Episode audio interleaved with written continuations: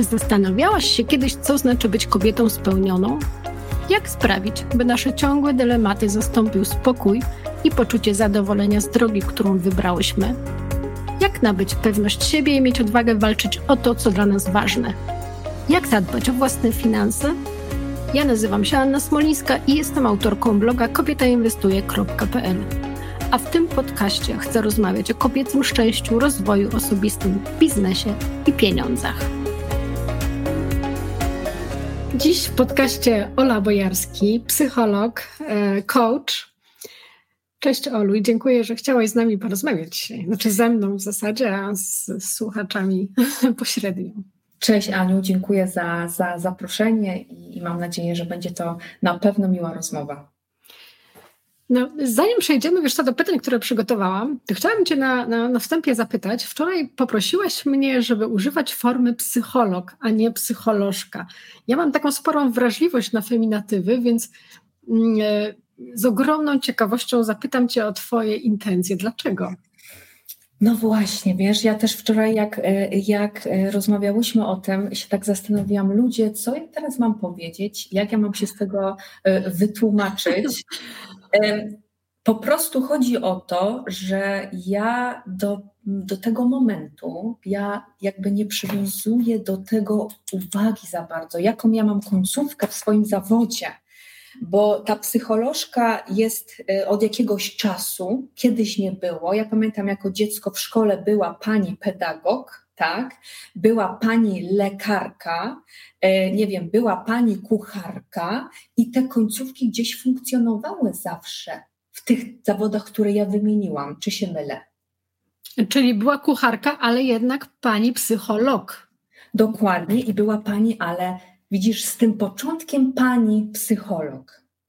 I jakby y, nie czuję tego w ogóle, że to musi być u mnie prawda, że ja mhm. to muszę mieć to na końcu, ale najśmieszniejsze jest to, że w Niemczech jestem psychologiem. Nie walcząc o nic, po prostu jest mi to nadane i, i dobrze się z tym czuję i dobrze się czuję też w Polsce jako pani psycholog. Widzisz, jest to jednak forma osłuchania i przyzwyczajenia, nie? Tak. E, ale temat, temat jest e, duży i głęboki. E, chętnie z Tobą kiedyś o tym podyskutuję, bo byłam na to taka skupiona na tym właśnie pisząc książkę i też o tym, co to może dać też naszym córkom i tak dalej, także taki temat, ale, ale nie o tym dzisiaj. Okej, okay, okej, okay, okej. Okay. Mhm. Co ty lubisz w swojej pracy? O, co ja lubię w swojej pracy? Ja lubię po prostu, e, ja mam ciekawość do drugiego człowieka. I e, obiecałam sobie, że dopóki będę miała tą ciekawość drugiego człowieka, będę pracowała z drugim człowiekiem. Hmm. Więc mnie po prostu niesie zawsze, kto do mnie przychodzi, e, skąd ta osoba do mnie przychodzi, jaką ma historię. Ja po prostu wtapiam się w to, jak w naprawdę w dobrą książkę, w dobry film. I chyba to jest podstawa zawodu mojego, po prostu ciekawość drugiego człowieka. Hmm. Wtedy ta praca jest jakby taka um, obopólna, bo ta osoba też przychodzi z pewną historią i chcę, żeby ktoś tego wysłuchał w końcu, ale być może takim innym uchem. Hmm. Tak trochę inaczej. I, i, mhm. mhm. A skąd w ogóle pomysł na to, żeby studiować psychologię? Ja jako dziecko słyszałam, Olka, ty będziesz albo psychologiem, albo aktorką. Okej. Okay. Także jakby nadane, tak? Nadane. Um, ale i też to, że ja bardzo szybko zawsze wchodziłam z łatwością w różne relacje, nawiązywałam kontakt bardzo szybko z dziećmi. Ja jeździłam na kolonie nawet sama, jak byłam w pierwszej klasie, gdzie to się rzadko zdarza, bo najczęściej jedziemy e, z koleżankami, z kolegami. Nie przerażało mnie to, lubiłam, czyli od dzieciństwa też znowu ta ciekawość, ta ciekawość. Więc, e, e, a jakie było pytanie, przepraszam? No skąd pomysł? To już wiemy, że pomysł ci od, skonstruowało otoczenie i poszłaś dokładnie. w to po prostu jak w dym. Tak, dokładnie. tak. A ty studiowałeś jeszcze w Polsce, prawda? Tak, studiowałam w Polsce. Ja studiowałam dwa kierunki. Najpierw zaraz po technikum, bo jestem po technikum ekonomiczno-usługowym, gdzie ja w ogóle z ekonomią nie bardzo, ale wtedy to było takie fajne, bo zaraz będzie zawód, można pójść, można popracować i też jakby z koleżankami poszłam do tej szkoły, no to taki kierunek to było wtedy u nas szkoła, ta szkoła w Zabrzu była bardzo dobra, technikum ekonomiczno-usługowe. Natomiast e, ja po, stu, po studiach, po, po maturze poszłam na taki kierunek doradztwo zawodowe i edukacyjne. Chciałam być, jakby pracować też z młodzieżą, chciałam doradzać, co dalej można zrobić, jakby rynek pracy, gdzie można poszerzać swoje mhm. horyzonty. Uważałam wtedy to za bardzo ciekawy kierunek. I na tej właśnie, na tym kierunku była psychologia pracy. I tam jakby pierwszy raz był, była moja styczność z psychologią pracy, z takim e, przedmiotem, z którego notabene miałam powtórkę, bo nie zdałam. I e, zafascynowało mnie to. Ja zawsze byłam e, uczennicą średnią, przeciętną, chyba że coś mnie interesowało i zobacz, co się zadziało. Zdałam tą poprawkę, dobrze zdałam tą poprawkę i gdzieś ta psychologia ze mną została. Skończyłam jedne studia i poszłam na pięcioletnie studia do Warszawy na SWPS właśnie. I tam studiowałam wtedy psychologię kliniczną. No i co się stało, że potem wyjechałaś do Niemiec? No, co się stało? No, każdy, ma te, każdy ma te swoje powody. Moim powodem, mój powód był taki bardzo um, prowizoryczny, taki po prostu się zakochałam. Zakochałam się no to był bardzo ważny powód. No, niektórzy się zakochują, wyjeżdżają, niektórzy ekonomicznie za pracą. Um, tak, mnie tutaj, e, mnie tutaj miłość przywiodła. Poznałam mojego męża jeszcze w Warszawie, bo to jest taka historia jakby trochę rodzinna. My zostaliśmy sobie przedstawieni przez nasze rodziny i okazało się, że wszystko pasuje. Mój mąż jest tutaj już od 25 czy od 27 lat. E, tutaj, czyli mieszkał w Niemczech. Dokładnie. Mieszkał w Niemczech, studiował też w Niemczech. On tu wyjechał jako młody chłopak, 16 lub 17-letni, więc mm. znał tu wszystko. Zakochałam się i za miłością do Niemiec. I co, znałeś niemiecki wyjeżdżając e, do Niemiec? E, znałam tylko parę słówek, taki, który większość z nas zna. Ja, nein, danke, ich komme, ich wohne ale muszę Ci powiedzieć, że ja bardzo często wyjeżdżałam do Niemiec jako dziecko, bo miałam rodzinę ze strony i taty, i mamy, więc, okay. E, e, więc ja byłam osłuchana z tym niemieckim, tak? I te filmy, mój kuzyn miał duże towarzystwo, duże środowisko chłopców, dziewczynek, więc ja zawsze jakoś tam musiałam się tymi swoimi półsłówkami umieć e, komunikować. Mi się zawsze język niemiecki podobał. O tyle, uf, o takie, takie szczęście po prostu. I Coś cię zaskoczyło, kiedy wyjechałaś do Niemiec? Było coś takiego, co um, spowodowało, że powiedziałaś, ojej, chyba się tu może nie odnajdę aż tak szybko. E, takie myśli zawsze, nie zawsze, źle mówię, takie myśli często przychodzą, tak? Hmm. W różnych momentach naszego życia, jak gdzieś wyjeżdżamy, szczególnie jak opuszczamy ojczyznę. E, lubię wyzwania i ja uwielbiam nowe sytuacje w życiu. To, to, to też mm. jakby siedzi w charakterze i może też w naturze, więc to mnie trochę ratowało. Ale taki moment, kiedy, kiedy wiesz, kiedy powiedziałam sobie, o kurczę, czy, czy to była dobra decyzja? Um, no, to są takie jak przez mgłę to pamiętam, naprawdę. Czyli to były naprawdę bardzo y, rzadkie sytuacje. Naprawdę bym mogła zliczyć pewnie na palcach u jednej ręki przez te prawie 9 lat, jak tutaj jestem. E, na pewno urodziłam e, pierwsze dziecko, to był trudny taki moment, bo ja byłam sama. My nie mamy tutaj rodziny, my jesteśmy sami i dzisiaj wiem, że to są plusy i minusy, ale to był taki może trudny moment. O, to bym miała mamę, to miałabym tatę, miałabym ciocię, bym pojechała. Wiesz, e, może wtedy taki moment. Tak, na pewno. No, świetnie to znam.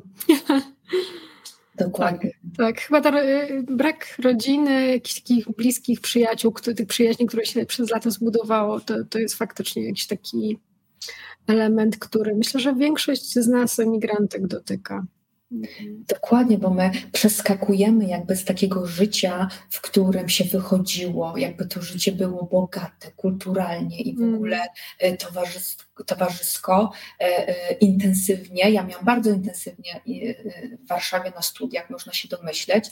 No i nagle do Nimburga. Nimburg, nie chwalę się, nie sprawdziłam Google'ach i, i jaka tu jest jakby ilość mieszkańców, ale małe miasteczko, więc naprawdę skromnie, mniej i taka, wiesz, taka, taka praca, ok, tu trochę jest inaczej, nie? Tu musimy jakby inaczej zacząć się odnajdywać, musiałam się inaczej odnajdywać i, i szukać sobie nowych e, zajęć, nowych wyzwań. Mm. I co, i od razu poszłaś na kurs niemieckiego, czy jak to wyglądało? Jak, jakie były te początki? Od razu, no, mam takie szczęście, mam bardzo mądrego męża, wspierającego męża, który zna kulturę niemiecką, który, który jest tutaj lata, więc jest też nauczycielem notabene, więc od razu zapisał mnie na kurs. I tak, i ten kurs trwał, potem przerwany, pierwsza ciąża, i potem e, znowu kurs, i potem znowu przerwany kurs, druga ciąża, no i potem dzieciaczki większe, starsze, ja znowu na kurs wróciłam, więc miałam te kursy przerywane, mm. ale skutecznie. E, nauka jakby dzisiaj jest dalej kontynuowana skutecznie.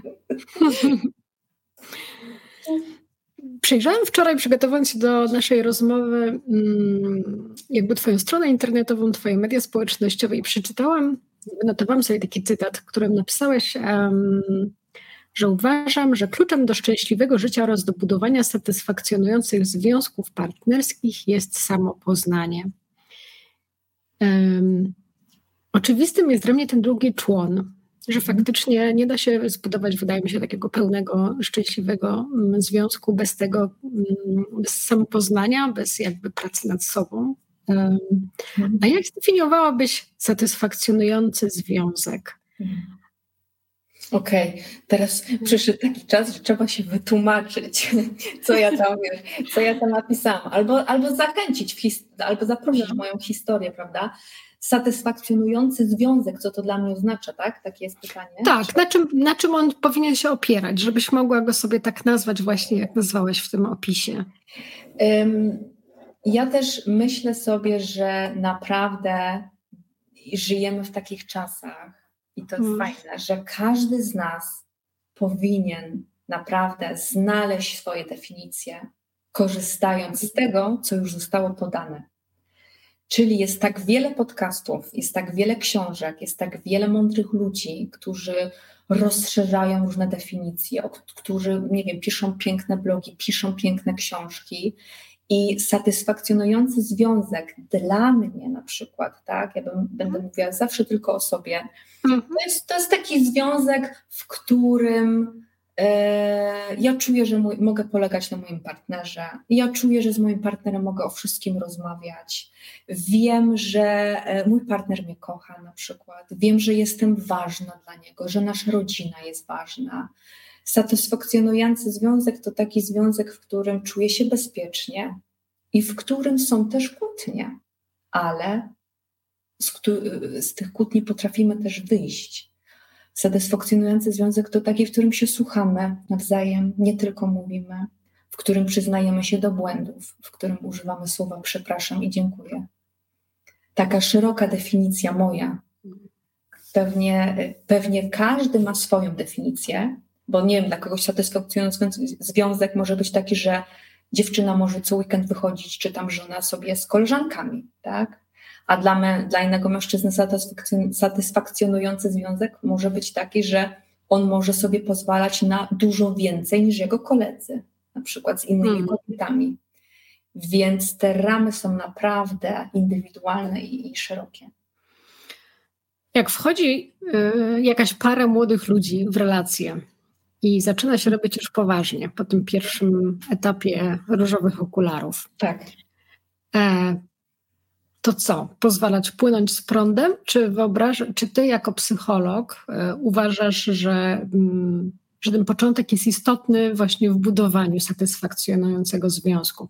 Bo ja jako, wiesz, szkoleniowiec finansowy uważam, że w tym początkowym etapie, kiedy zaczyna się już robić poważnie, to każdy powinien usiąść i przynajmniej ustalić, co robimy z naszą kasą, jak będzie wyglądała nasza przyszłość, jak będzie wyglądała nasza przyszłość, kiedy urodzi się dziecko, mnie jako kobiety, mo, moje jako kobiety też i tak dalej. Jakby uważam, że e, warto pewne rzeczy ustalić. Jak ty widzisz to ze swojej strony, z tak, ze strony psychologa, co trzeba ustalić albo być może nie trzeba? Mhm. Fajnie, też mi się bardzo podobało to, co powiedziałaś, bo to jest już faza trzecia związku, bo związek to pięć faz. Najpierw mamy fazę zauroczenia, później mamy romantyczne początki, później mamy związek kompletny, później mamy związek przyjacielski i ostatnia faza e, rozpad związku lub związek pusty, tak? Taka smutna faza trzecia, e, ostatnia, piąta. Więc to, o czym powiedziałaś, to siadanie fajnie jest super. Już, takie, już kiedy te okulary zdejmujemy, kiedy już z tego romantyzmu trochę wyszliśmy i cyk, mamy przed sobą tak. prawdziwe życie, nie? Super, hmm. bardzo ważna faza. Fajne, fajne ustalanie rzeczy. Absolutnie uważam, że fajnie, jeżeli ten związek, Aniu, zaczyna się tak lekko, czyli bez problemów Powiem Ci, że wiele razy doświadczyłam tego na swojej skórze, bo miałam trochę tych związków, że za każdym razem, kiedy związek zaczynał się trudno pod górkę, że było już od początku trudno, to z czasem to się nie zmieniało, tak? Tylko te mhm. problemy narastały. To, tego mnie też nauczyła moja mama, że pamiętaj, że jak coś wchodzisz, to to ma być lekkie, przyjemne, ty masz się tam dobrze czuć, ty masz być sobą, to ma być naturalne i autentyczne. Potem poznasz prawdę potem poznasz dobry związek. I jeżeli właśnie wchodzimy w relacje, to należy się sobie przyglądać, bywać ze sobą i słuchać tego swojego głosu wewnętrznego, a jeżeli nie mamy go wypracowanego, to wsłuchiwać się w swoje emocje, bo te emocje są takim fajnym kompasem, mogą być fajnym drogowskazem. Bo jeżeli ja się z Piotrkiem źle czuję, my jesteśmy dopiero trzy miesiące, a ja jakby wiesz, jakby nie, nie za bardzo, tak? On jakby krytykuje mnie, ja się nie czuję przy nim pewnie, no to już lampka. Mm. I w drugą stronę, jeżeli mężczyzna ma wrażenie, że ona mnie ogranicza, ja teraz ani nie mogę z kumplami nigdzie wychodzić, ani nie mogę iść na, na piłkę, a jak się poznaliśmy, to było wszystko ok. No to, to albo siadamy i ustalamy i sprawdzamy, sprawdzam, czy to funkcjonuje, czy to da radę, Hmm. Albo e, mówimy sobie, bardzo Ci dziękuję i życzę Ci szczęśliwego życia, ale my razem nie możemy budować związku. Bardzo ciekawe podejście. Wczoraj miałam właśnie z przyjaciółką na ten temat, co mówiłam Ci przed spotkaniem. E, na takie tematy rozmowy bardzo chętnie wyślę naszą rozmowę zaraz. Pozdrowienie dla przyjaciółki. Bardzo dziękuję. Też na emigracji zresztą.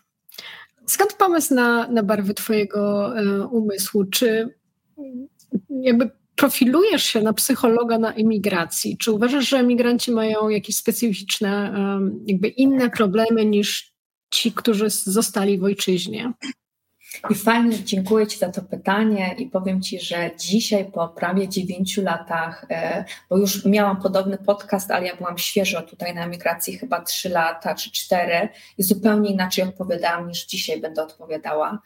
E, pierwsze Twoje pytanie, skąd pomysł na barwy Twojego umysłu w ciąży? Aniu, ja byłam w drugiej ciąży, to był siódmy miesiąc i ja narysowałam swoje pierwsze logo. Po prostu ja powiedziałam, ja już więcej, ja sobie nie wyobrażam, że ja teraz znowu z moją kochaną drugą córeczką będę siedziała, będzie pranie, gotowanie, zmienianie pieluszek i ja świeżo po tych studiach nie ruszę, znowu nie ruszę, tak, w tą drogę. E, więc za, po prostu barwy Twojego umysłu przyszło mi do głowy i ja sobie narysowałam taki brzydki mózg, jakiś taki w ogóle na kartce i to były barwy Twojego umysłu. Potem oddałam je dopiero po dwóch latach do grafika, chyba żeby mi to poprawił. Stąd pomysł. Stąd pomysł, żeby ruszyć, a poza tym zauważyłam, że jest zapotrzebowanie, że, że już tam słyszałam, o, że, że, że szukam polskiego psychologa, że nie ma polskiego psychologa. E, mhm. stwierdziłam, że to jest ten moment, to jest, to jest ta przestrzeń, ja tutaj wskoczę i ja już zaczęłam pracować w ciąży. W ciąży. Ja już po prostu mhm. miałam pierwszych klientów. Ja, ja, ja, opowiem taką śmieszną anegdotę. To było na początku tak, że ja e, na, na Facebooku powrzucałam swoją ofertę na chyba 10 czy 12 profili Polacy w Hamburgu, wiesz, Polacy w Berlinie i tak dalej, i tak dalej na Facebooka. I ja tam zrobiłam swoje pierwsze jakieś zdjęcie w, w jakimś tam programie, śmiesznie i tam opisałam. I odezwało się do mnie powiedzmy, to był szok, bo odezwało się do mnie powiedzmy 20 czy 25 potencjalnych klientów na Messengera. Ja mówię, Andrzej, patrz co się dzieje. Ja to dzisiaj rano wrzuciłam i do mnie co chwilę piszą Polacy, tak? Czy, czy, czy, czy wizyta, jak wygląda i tak dalej, czy na krankenkasę, jakie, jakie, jakie koszta. I z tych 25, jak podpisywałam, to może zostało 5. I z tych pięciu, może trzech, a z tych trzech naprawdę klientów tylko jeden mi zapłacił, słuchaj. No bo takie są początki, tak? Mm. Bo ja miałam Aniu na początku tak, że można zapłacić za spotkanie dopiero pięć dni po terminie. Ja, ja w ogóle mm. raczkowałam, ja nie wiedziałam, jak, jak to się robi, więc te dwie osoby nie zapłaciły, jedna uczciwa tylko mi zapłaciła za pierwszą sesję i tak zaczęłam tworzyć swój biznes, biznes i go udoskonalać. Czyli rozumiem, że zapotrzebowanie na początku było bardzo duże, niekoniecznie zapotrzebowanie na płatne y, wizyty. Tak, dokładnie. Ja myślę, przepraszam, to absolutnie wynikało z mojej takiej. E, e, ja nie wiedziałam, jak, jak, jak, jak, jak to wiesz, jak to ugryźć, tak? To był tak. chyba mój, moja nie, nie, mój nieprofesjonalizm doprowadził do mhm. tego, że ludzie e, nie zapłacili. Dzisiaj to już inaczej wygląda, więc to, to były te pierwsze miesiące. Y, zauważyłam, że jakby interesują Cię przynajmniej takie, ja mam wrażenie, e, ta psychologia relacji. Mhm. Wydaje mi się, że takie związki na emigracji mają, mają inne problemy. Jak Ty to widzisz? Z czym przychodzą klienci? Tak, teraz wiesz, e, tak jak mówię, widzę to ogromnie już teraz. Hmm. E, się, e, już na studiach interesowałam psychologią miłości, więc w ogóle to, gdzie mogłam być na jakichś wykładach, czy na jakichś takich filmach, czy jakichś takich kołach, to chętnie brałam udział i słuchałam tych mądrzejszych i uczyłam się. Więc emigracja, emigracja może być szansą dla związku, ale emigracja może być również przyczynić się do rozpadu ponieważ emigracja wymaga od obydwojga partnerów bardzo dużej cierpliwości do tego, co się dzieje obecnie. No i e, jest na pewno e, dużym, ogromnym sprawdzianem. Hmm. I jeżeli pytasz o to, jakie mają problemy e, ludzie, którzy są w związkach na emigracji, no to na pewno to jest tak, że jeżeli długo się nie widzimy, no to wiesz, co się dzieje. Oddalamy się od siebie, tak? Oddalamy się przestajemy już bywać w naszej rutyrze, rutynie, przestajemy się może rozumieć, przestajemy jakby tematy, które dla mnie są ważne, dla niego mogą być zupełnie nieważne, bo on zjeżdża raz na miesiąc do domu albo i raz na dwa miesiące. A jak zjeżdża partner do domu raz na dwa miesiące i chce ustawiać w domu to, co żona już przygotowała i ma rytm, no to to zakłóca, tak? I powstają kłótnie, jest frustracja. No ale są też takie pary, które widzą w tym ogromny, ogromną korzyść i cel, bo y, mąż ciężko zarabia i oni budują dom w tym czasie. I też są takie pary, że oni po prostu na odległość się komunikują, mają Skype'a, czy obojętnie Zooma, czy tam Messengera, obojętnie, ale że utrzymują ten związek, bo mają cel. I właśnie ten cel jest bardzo ważny, żeby o nim nie zapominać. I on może, mhm. i on może dawać powera, po prostu może wspierać ten związek, ten trudny czas. A takie pary, które wyjadą razem? No właśnie, takie pary, które wyjadą razem. No. Albo się odnajdą, albo się nie odnajdą. Słuchaj, e, pary, które wyjeżdżają razem, najczęściej umówmy się, to są pary, które wyjeżdżają z powodów ekonomicznych, albo to są pary, w których jedna ze stron już jest tutaj w Niemczech od jakiegoś czasu. Mało tego, ściągają później też swoje rodziny tutaj, żeby mieć też e, e, zabezpieczenie w postaci właśnie babci, dziadka, czy, czy żeby być razem, żeby im lepiej się żyło. No i tu się zaczyna, i tu się zaczyna, tak? Bo tu się zaczyna język, co jest naj, naj, który jest największym problemem. Tu się zaczyna praca, bo ci ludzie najczęściej pracują od rana do nocy.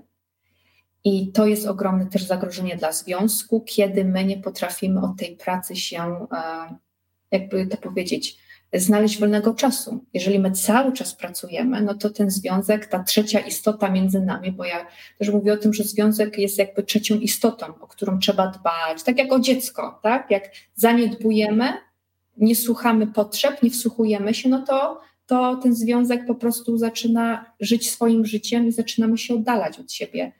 Więc ym, tutaj na emigracji takimi zagrożeniami jest to, że jesteśmy przy, zapracowani, nie mamy dla siebie czasu, zaczynamy narzekać, zaczynamy, e, nie myślimy o tym, co dobre, co możemy osiągnąć, tylko um, zaczynamy wydobywać, wyciągać coraz bardziej to negatywne strony tej decyzji. I to jest największy problem, dla, e, który ja spotykam u siebie w gabinecie, jak pary przychodzą. A kiedy spotykasz takie pary w sytuacji kryzysu, to najczęściej e, przychodzi jedna strona, czy, czy przychodzą faktycznie pary do ciebie? Jak to wygląda? Mhm. Ja myślę, że to jest, idzie w parze z tymi ogłoszeniami, które ja wrzucam. Bo to jest tak, Okay. Jeżeli ja bardziej intensywnie fokusuję się na parach i mówię o tym, że pracuję z parami na emigracji, że prowadzę takie poradnictwo dla par, dla małżeństw, e, to wtedy jest odzew. Jeżeli ja wrzucę jakiś filmik właśnie odnośnie jakiegoś tematu, e, faz związku albo e, poprawy komunikacji we związku, to wtedy na pewno pary się odzywają, ale też na przykład jedna ze stron ale z propozycją, że razem chcą, ale chciałaby więcej informacji. Więc to bardziej pracuje wtedy, co ja wrzucę. To wtedy się od, od, od, jakby odzywa na to klient. Do tej pory mm, przychodzą do mnie, najczęściej przychodzi jedna strona do tej pory dzisiaj teraz, bo też pracuję trochę mniej, bo ja pracuję teraz już w szpitalu, więc mam tych klientów troszkę mniej, w związku też z czasem, bo praca z parami pochłania dużo czasu, bo to jest spotkanie od 60 do 90 minut, co dwa tygodnie lub co trzy tygodnie nawet, to są takie odstępstwa. Często przychodzą panie, no i mówią, że tak, wie pani co, ja bym tak tutaj tego męża przyprowadziła do siebie chętnie. Pani by z nim też może tak porozmawiała, co? Byśmy tak trochę tak porozmawiali. A ja wtedy mówię, no a jakie pani ma oczekiwanie, co tu by się miało wydarzyć? No, żeby on to wszystko zrozumiał. Żeby on to wszystko zrozumiał, jak ja to rozumiem. No więc e, te panie mają potem takie oczekiwanie, że, e, że i one mi przyprowadzą mężów, a ja ich naprawię a ja im mówię, że to tak absolutnie nie funkcjonuje. Fajnie. Co, my kobiety chcemy zmieniać swoich facetów? No pewno, absolutnie. Chcemy zmieniać naszych mężczyzn. Mężczyźni chcą zmieniać kobiety. Tutaj e, idzie to w dwie strony. Um, ale e, na razie mam przewagę pani, zdecydowanie. Hmm. Pa, pa, pani jest więcej. Też jakbym tak miała szacować, oczywiście nie znam tych statystyk, to podejrzewam, że to kobiety bardziej, um, jeśli cokolwiek się dzieje w związku, to chyba to tak trochę czują całą sobą i, e, i chcą jakby to, to naprawić. Um, tak to jest. Ale nie wiem, czy tak jest ja bym tak powiedziała jak ty, też nie znam statystyk. Jak studiowałam, to jakby bardziej przykładałam uwagę do tych statystyk, bardziej e, miałam czas, chęć, dostęp, a teraz po prostu moją statystyką jest tylko mój gabinet, więc e, tak jak dobrze wiemy, panom jest ciężej prosić o pomoc, panom jest ciężej ciężej się przyznać do czegoś. E, panowie e, gorzej znoszą ten ból tej konfrontacji, e, kim są, z jakiego domu pochodzą, co tam było u mnie w domu, więc to my jesteśmy odważniejsze, ale Aniu, ja myślę, że to się zmienia. Mimo wszystko powolutku, powolutku, ale fajnie, bo, bo ja panom bardzo mocno kibicuję. A da się odkurzyć taką miłość? Przychodzą do ciebie pary czy, czy kobiety, wiesz, no po kilku latach czy kilku latach małżeństwa, kiedy już e, jest jakaś rutyna wypracowana, jakaś codzienność, wiesz, mamy swoje obowiązki, gdzieś tam się, tak jak mówisz, też zapędzamy w tej pracy e, swojej zawodowej. E, I co, da się, da się to jakoś tak trochę ten kurz zetrzeć i, i trochę odnowić, ten, odświeżyć w zasadzie ten związek? Tak, e, ja mam, przepraszam, ja mam mało, mało miałam w swojej jeszcze pracy zawodowej takich par z takim powiedzmy 35-letnim doświadczeniem, 25-letnim doświadczeniem, ale zdarzały się oczywiście. Nawet z 10-letnim doświadczeniem, to wiesz. Aha, aha, tak, tak, wiele, się może, wiele się może wydarzyć. Co uważasz, że dopiero po 30-20 latach. Ja myślałam, że taka, taki kurs ja myślałam, że taki kurs jest. Z tego co wiem, to chyba po, po siedmiu latach najczęściej. To jest taka tak pierwsza faza, nie? która się, tak. że pary się rozpadają. Że taki mm. kryzys, tak się mówi. Tak, tak. E, e, jakoś to Amerykanie pewnie zbadali. E, Oczywiście, że, że, że, że, że da się to zrobić, ale tak jak moja ulubiona pani psycholog e, Elżbieta Ścigała na, na studiach e, na pierwszym roku powiedziała, to zależy. I my, psycholodzy, i na pewno jak słucham jakiś psycholog albo terapeuta, zgodzi się ze mną, że my tak odpowiadamy. To zależy, tak? To jest ogromnie indywidualna, ogromnie indywidualna sprawa, ale to, co też terapeuci, psychoterapeuci mówią od lat, to to jest tak, że jeżeli my chcemy jakiś związek uratować, czy odświeżyć, czy wyjść z kryzysu, to my zawsze wracamy do przeszłości i my patrzymy na podstawę związku. Czyli co było powodem, że ty weszłaś swoim mężem do, w relację, mm. tak? Czy to był, nie wiem, czy to był e, sytuacja związana z rodziną, tak? Że ktoś powiedział, tutaj będziemy teraz swatać, oni będą razem. Czy to była ciąża, czy to był jakiś toksyczny związek na zasadzie dobierania się partnerstwa, e, deficytów, że szukałam deficytu. E, ja mam deficyt, więc wybieram partnera, który mi go troszeczkę e, podciągnie czy to była ucieczka z domu, tak, bo, bo już nie mogłam wytrzymać. Więc szukamy, y, wracamy do tych podstaw i uwielbiam tą podróż, kiedy pytam się, czy mógłby mi Pan powiedzieć, co Pana urzekło w Pani Krystynie te 10 lat, 15 lat temu? No i fajnie się tam słyszy, no ona zawsze wiedziała, jak się zachować w towarzystwie. Zawsze się przy niej czułem tak fajnie, tak, e, żeśmy mieli właśnie fajnych znajomych i Krystyna zawsze potrafiła fajnie wszystko przygotować, ugościć przyjaciół. A co się, co się pani, pani Krystynie podobało w panu Waldku? No on był taki mężczyzną, ja się przy nim zawsze czułam taka bezpieczna i taka kobieca. Czyli oni weszli jakby naprawdę z takiej czystej intencji, że chcemy być razem. Potem z czasem zawitało życie, no i potem właśnie przyszła ta rutyna. I łatwiej jest pracować z parami, które mają u podstaw e, miłość. Miłość. Hmm. Co ty byś zrobiła, gdyby, no, gdybyś potrzebowała odświeżyć swoje, swoje małżeństwo, tak w trzech krokach konkretnie? Hmm. No ja też potrzebuję co jakiś, ja jestem w związku, my jesteśmy w związku, teraz będzie chyba na pewno ponad 9 lat, tak, jestem dokładnie tyle samo, co na emigracji, to jestem z moim mężem w związku. Um, jeżeli byłoby tak bardzo, bardzo poważnie i źle, to idziemy do terapeuty, do psychoterapeuty, na pewno. No i mąż mówi, a gdzie ja będę jakiejś nieznajomej kobiety opowiadał o nas, no coś ty. Dobrze, to powie, to bym zapytała się, to jaką masz propozycję? Hmm. To co w zamian, tak?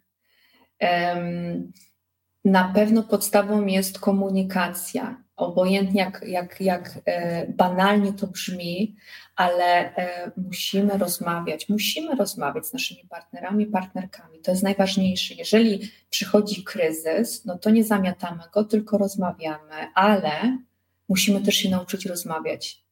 Nie, nie gadajmy cały czas tak? Bo my kobiety mamy taką ten, tendencję, że my cały czas mówimy, nie potrafimy słuchać, nie potrafimy przyjmować, nie potrafimy się troszeczkę zdystansować, wysłuchać i nic nie mówić na przykład.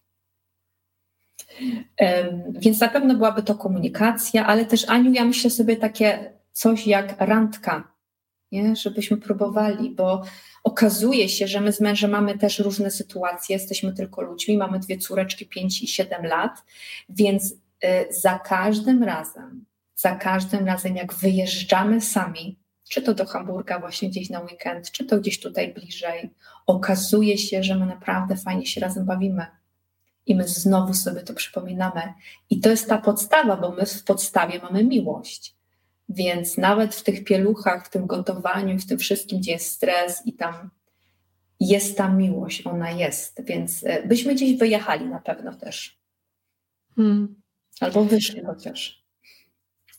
Ja, ja, bardzo w ogóle lubię ideę randek i zawsze jak mój syn na przykład wraca e, ze studiów albo gdzieś mamy jakąś taką okazję, to też zawsze wykorzystuję ten czas, żeby zostawić córkę i gdzieś sobie wychodzimy. Też faktycznie uważam, że taki czas e, jakby bez dzieci, w ogóle poza domem, to, to stwarza też jakby takie, tak, takie warunki do tego, żeby o czym innym rozmawiać, nie o takich domowych obowiązkach. Nagle się okazuje, że, że te tematy są inne i że, że ten czas jest taki e, trochę in, inny jakościowy, moim zdaniem. Ale ja też e, według tej, tej słynnej książki o językach miłości, ja też wiem, że moim językiem miłości jest taki aktywny, jakościowy czas, więc dla mnie być może to dlatego też jest takie ważne, nie? Że, żeby pobyć razem poza domem gdzieś w jakichś innych warunkach. Absolutnie, absolutnie. Przepraszam jeszcze właśnie. Energia się zmienia, tak, my się zmieniamy, możesz szminkę nałożyć. Ja nie mówię, że w domu nie możesz, ale umówmy się, tak? Ta szminka będzie innego odcienia. Możesz tego długiego buta założyć, możesz się zamienić w tą swoją taką, o tą odszukać tą kobiecość, bo ją masz w sobie, no i ten mężczyzna taki fajny obok ciebie i, i też to stworzyć wszystko w swojej głowie, jak może być fajnie, żebyśmy mieli dostęp do tego, żebyśmy to zobaczyli i żebyśmy to stworzyli, bo najpierw trzeba zobaczyć, a potem e, można to stworzyć. W tych wszystkich szkoleniach i opisach, które masz na blogu, wczoraj e, bardzo intensywnie czytałam też opisy Twoich szkoleń i tego, co proponujesz. Mhm. Bardzo często powtarza się słowo świadome. To znaczy, wynotowałam sobie, masz, piszesz o tym, żeby żyć świadomie, że jest kobieta świadoma. Takie było też, widziałam szkolenie. Mhm. A w opisie na Instagramie doczytałam, że e, obok Twojego imienia i nazwiska e, w tytule masz Żyj świadomie. Jak Ty to ty definiujesz w ogóle? No, może od życia, od świadomego życia zacznijmy. Dlaczego to jest dla Ciebie w ogóle tak ważne? Bo, bo podejrzewam, że jest. Ja myślę sobie, znowu odpowiem tak samo na to, jak e, tworzyć, czym jest związek satysfakcjonujący, a więc każdy znowu musi sobie odpowiedzieć na to życie świadome. Tak? A jaka jest Twoja definicja? A moja definicja, Aniu, powiem Ci, że już od paru lat jest taka, że ja żyję świadomie. Co to dla mnie oznacza? Ja jestem szczęśliwa w tym życiu, kiedy rano się budzę i mam uśmiech do dnia, hmm. to pewnie znamy, każda z nas, każdy z nas to zna, że zobacz, jakie życie jest wtedy piękne, jaka jakość jest fajna, kiedy rano się budzisz i masz lekko. I witasz ten dzień z taką lekkością, z takim szczęściem, i ja sobie wtedy mówię: tak, ja żyję świadomie, ja żyję pełną życia, ja jestem szczęśliwa ja, odbior, ja biorę odpowiedzialność za swoje życie, za swoje emocje, za swoje reakcje na nie. Bo jeżeli nie żyję świadomie, no to co? No to jakby mam takie poczucie, że wszystko dzieje się wokół mnie, a ja tylko przyjmuję i łykam jak ta kaczka, tak? E, przychodzą wiadomości jakieś, jest jakaś rutyna, jest jakiś kryzys, jest coś fajnego, albo mnie to omija, ja w ogóle nie biorę w tym udziału, tak? Nie mam, nie mam jakby świadomości. Jest piękna pogoda, to jest piękna pogoda, w ogóle nie cieszy mnie to, nie mam, nie mam nic. Nie mam wtedy takiej świadomości, nie jestem w tym, nie, nie, nie, nie jestem skąpana w tym życiu. Życie świadome to życie z taką lekką piersią, z taką radością, z taką satysfakcją, z taką e, y, intencją w życiu. Po prostu żyję świadomie, wtedy, kiedy wiem, co się dzieje w moim życiu i kiedy przejmuję kontrolę nad swoim życiem. Więc życie świadome jest jakby tym efektem, tym, tą wisieńką na torcie. Mhm. Ale żeby żyć świadomie, prawdopodobnie musimy przejść jakąś drogę. To co człowiek, który teraz, ktoś, kto nas słucha i myśli sobie, ojeju, ale co, co ja muszę zrobić, żeby, żeby tak żyć, żeby to czuć, kiedy się budzę?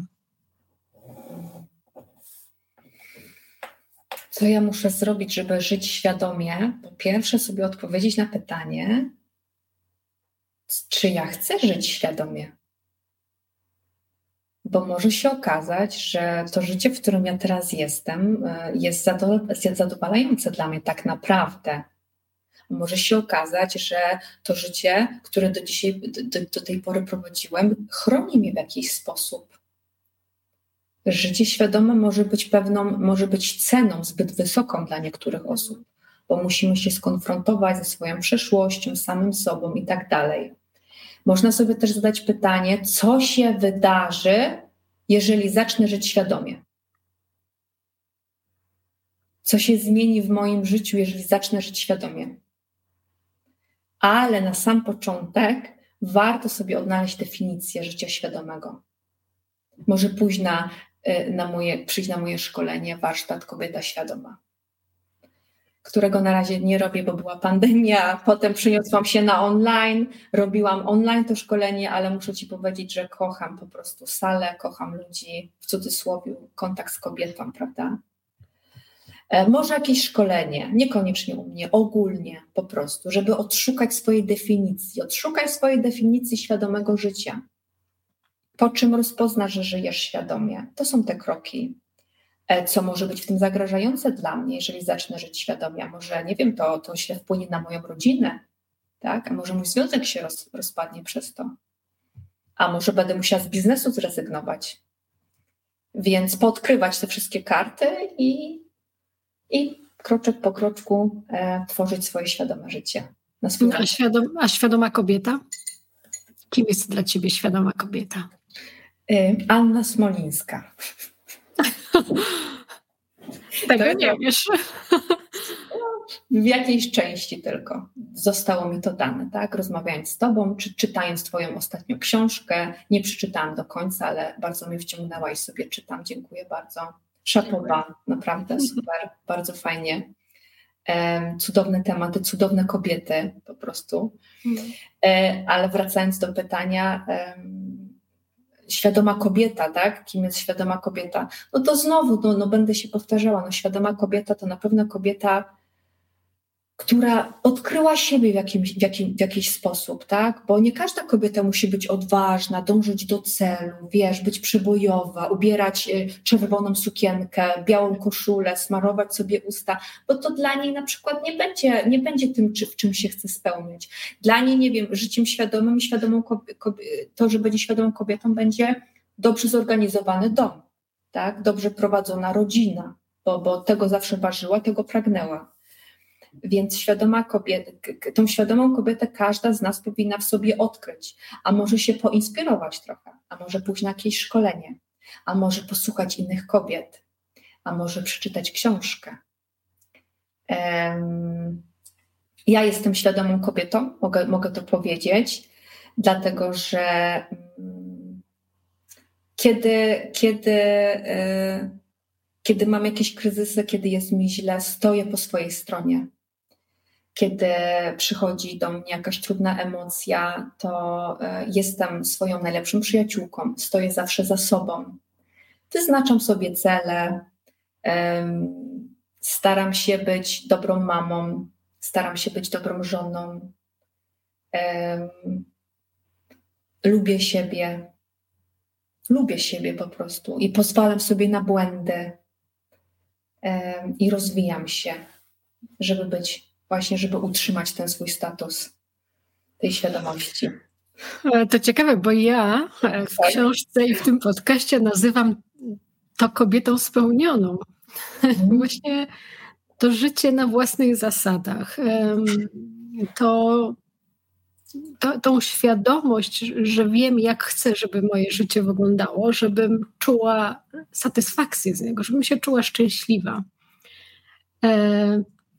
I żebym wiedziała, jak ta droga do tego efektu ma wyglądać. Ale tu znowu wracamy pewnie do punktu wyjścia, no, że najpierw musimy poznać siebie, żeby to wiedzieć e, i żeby tą drogę przejść. A ja też myślę sobie właśnie, że ta spełniona kobieta, kobieta świadoma, że to życie satysfakcjonujące, że to się przeplata trochę. Tak, tak. Że mogłybyśmy wiele wspólnego znaleźć. Ja też pamiętam Twoją historię, jak się poznałyśmy po raz pierwszy w Hamburgu. Ile to było? Trzy lata temu? Chyba trzy lata temu to było.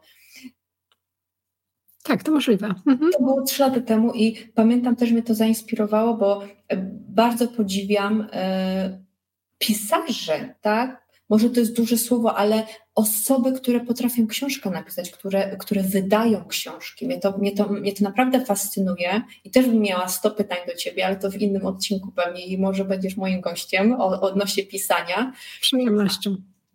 E, cieszę się, ale mi powiedziałaś, że też był taki moment u ciebie, e, że po prostu wzięłaś w swoje ręce, powiedzmy, jakieś finanse, tak? Wzięłaś to, bo była, był taki okres w życiu, czy to była pandemia, już nie pamiętam.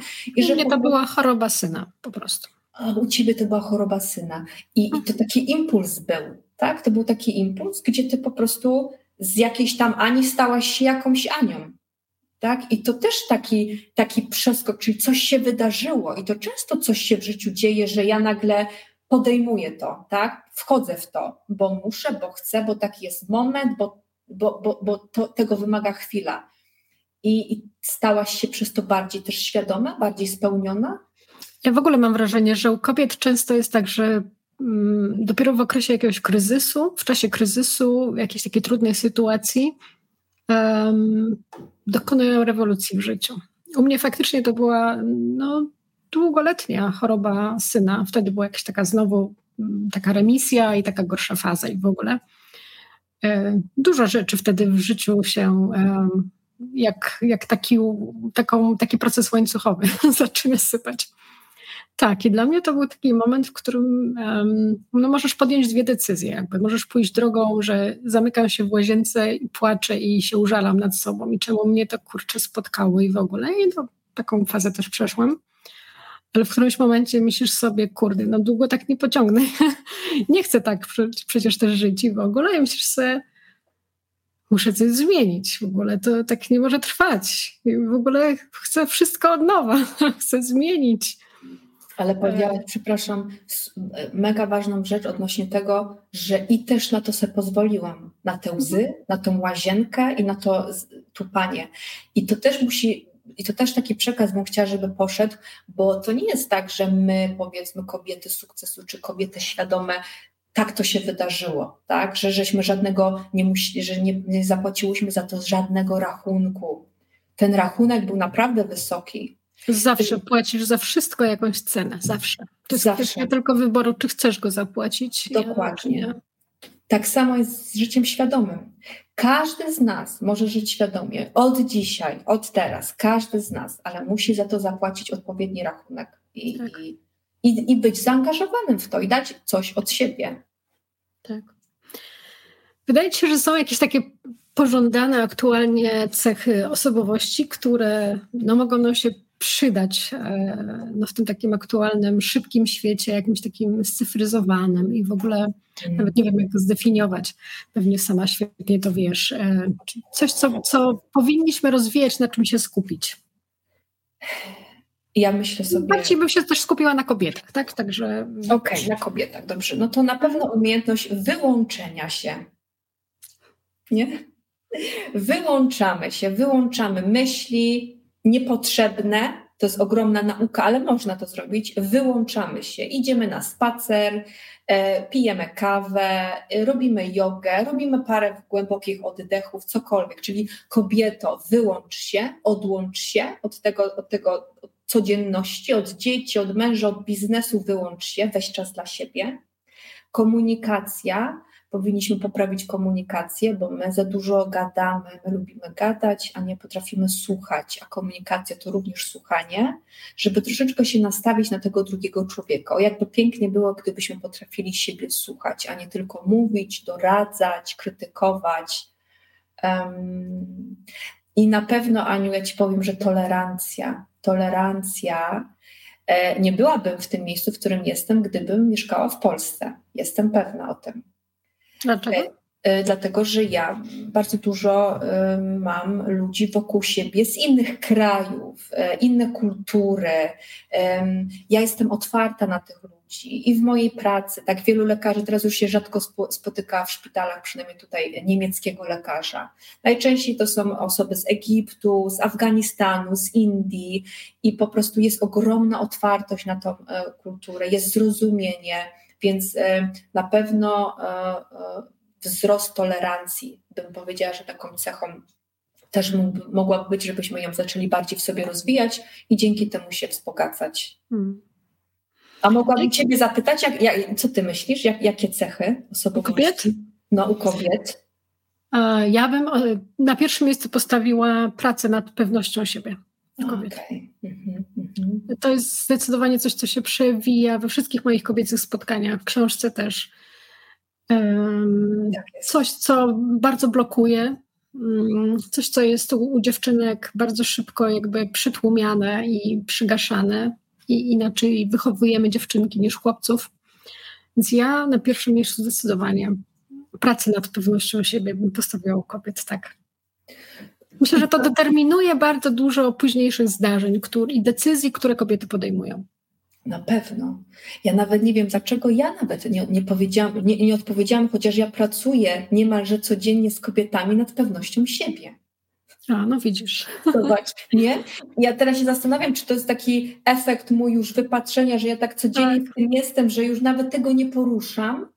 Absolutnie pewność, poczucie własnej wartości, pewność siebie. No jest to po prostu, bez tego no nie pójdziemy dalej. A ty wyniosłaś z domu pewność siebie? Co, co, co dał ci twój dom? Na szczęście, na szczęście tak. Ja jestem wdzięczna za to. Ja, ja jestem jedynaczką. E, moi rodzice się rozstali, jak ja byłam w trzeciej klasie i po 18 latach dopiero przyszedł na świat mój brat, więc można powiedzieć, że ja jestem jedynaczką, ale na szczęście e, wyniosłam to poczucie e, wartości czy pewności. Tata mnie zawsze pchał. Mój tata był bokserem, teraz jest trenerem boksu. Moja mama, powiedzmy, opiekowała się zawsze osobami, miała pod swoją opieką starsze osoby, więc mogłam doświadczyć jako dziecko i, było to we mnie tak budowane, że idź, spróbuj, nie bój się, y, nic się nie stanie, jak ci nie wyjdzie, y, Olka, no idź tam, przecież ty też chcesz tam pójść, tak? I ja mówię, no tak, ja, ja tak, tam, tam też chcę pójść, więc y, na szczęście wyniosłam to poczucie takiego, że mogę z domu po prostu, że nic się nie stanie, jak będę gorsza, tak? Że, że wszystko, że sobie poradzę z tym, że mam mamę, że mam tatę, Piękne. A co byś powiedziała tak na zakończenie, podsumowując, żeby to tak spiąć klamrą, co byś powiedziała takim młodym osobom, które chcą pracować w, w Twoim zawodzie i, i, zaczynają swoją karierę? Mówisz o, o, o studentach psychologii albo o tym, jak ktoś się za, zabiera za to. O pracy psychologa czy coacha. Mhm o pracy psychologa czy coacha, to na pewno sobie odpowiedzi na takie pytanie, czy mm, co mi jest bliższe, tak? Czy na przykład słuchanie o problemach innych jest dla mnie ok, nie obciąża mnie za bardzo, czy na przykład ja bardziej odnajduję się w grupach, w jakichś zadaniach, gdzie ja wolę pracować właśnie na, sal, na, na dużych salach i, i, i, nie wiem, robić jakieś szkolenia. E, czy ja na przykład, nie wiem, mnie interesuje bardziej um, odkrywanie świata, tworzenie teorii, sprawdzanie czegoś. Um, po prostu warto jest sobie popróbować różnych e, obszarów i, i, zadać sobie znowu różne pytania, pochodzić na różne koła naukowe. Tak wiele dzieje się w trakcie e, studiów. Może, ma, student ma bardzo dużo możliwości, dużo dostępu do różnych fakultetów, do różnych wykładów. E, ale też, Aniu, ja myślę sobie, że warto jest pójść do swoich najbliższych też, czy to, to ma być osoba tobie serdeczna, tak, która zna ciebie, lubi cię i zna cię też bardzo dobrze. I zadaj jej pytanie, tak, gdzie ty mnie widzisz, Kaśka? Słuchaj. Albo Ania, gdzie ty mnie widzisz bardziej? Żebym ja pracowała w gabinecie z kimś, czy żebym bardziej biznesowo? Pójść do takiej osoby i, i tam można się wiele dowiedzieć myślę sobie. To bym tak. tak to jest bardzo ciekawy case chyba dla większości młodych ludzi, uważam. E, drugie pytanie e, tylko, czy będą potrafili to przyjąć, ale to już jest inna kwestia. Nie? Oczywiście, nie, nie bierzemy za to odpowiedzialności. Dokładnie tak. bardzo, bardzo Ci dziękuję, Olu, za tą rozmowę. Bardzo Ci dziękuję. Myślę, że mnóstwo ludzi e, i bardzo dużo kobiet przede wszystkim może skorzystać na tym naszym chciałam powiedzieć wywiadzie, ale dla mnie to była po prostu przemiła rozmowa. Jeśli tak się wydarzy, to będzie mi bardzo miło. Bardzo dziękuję. Dzięki raz jeszcze. Dziękuję za odsłuchanie tego odcinka. Jeśli Ci się podobał, zostaw ocenę i zasubskrybuj mój kanał. Pomaga mi to szybciej się rozwijać. I pamiętaj, że nigdy nie jest za późno, by zmienić coś w życiu. Szczególnie, gdy stawką jest Twoje spełnienie, Twoje szczęście, gdy stawką jesteś Ty.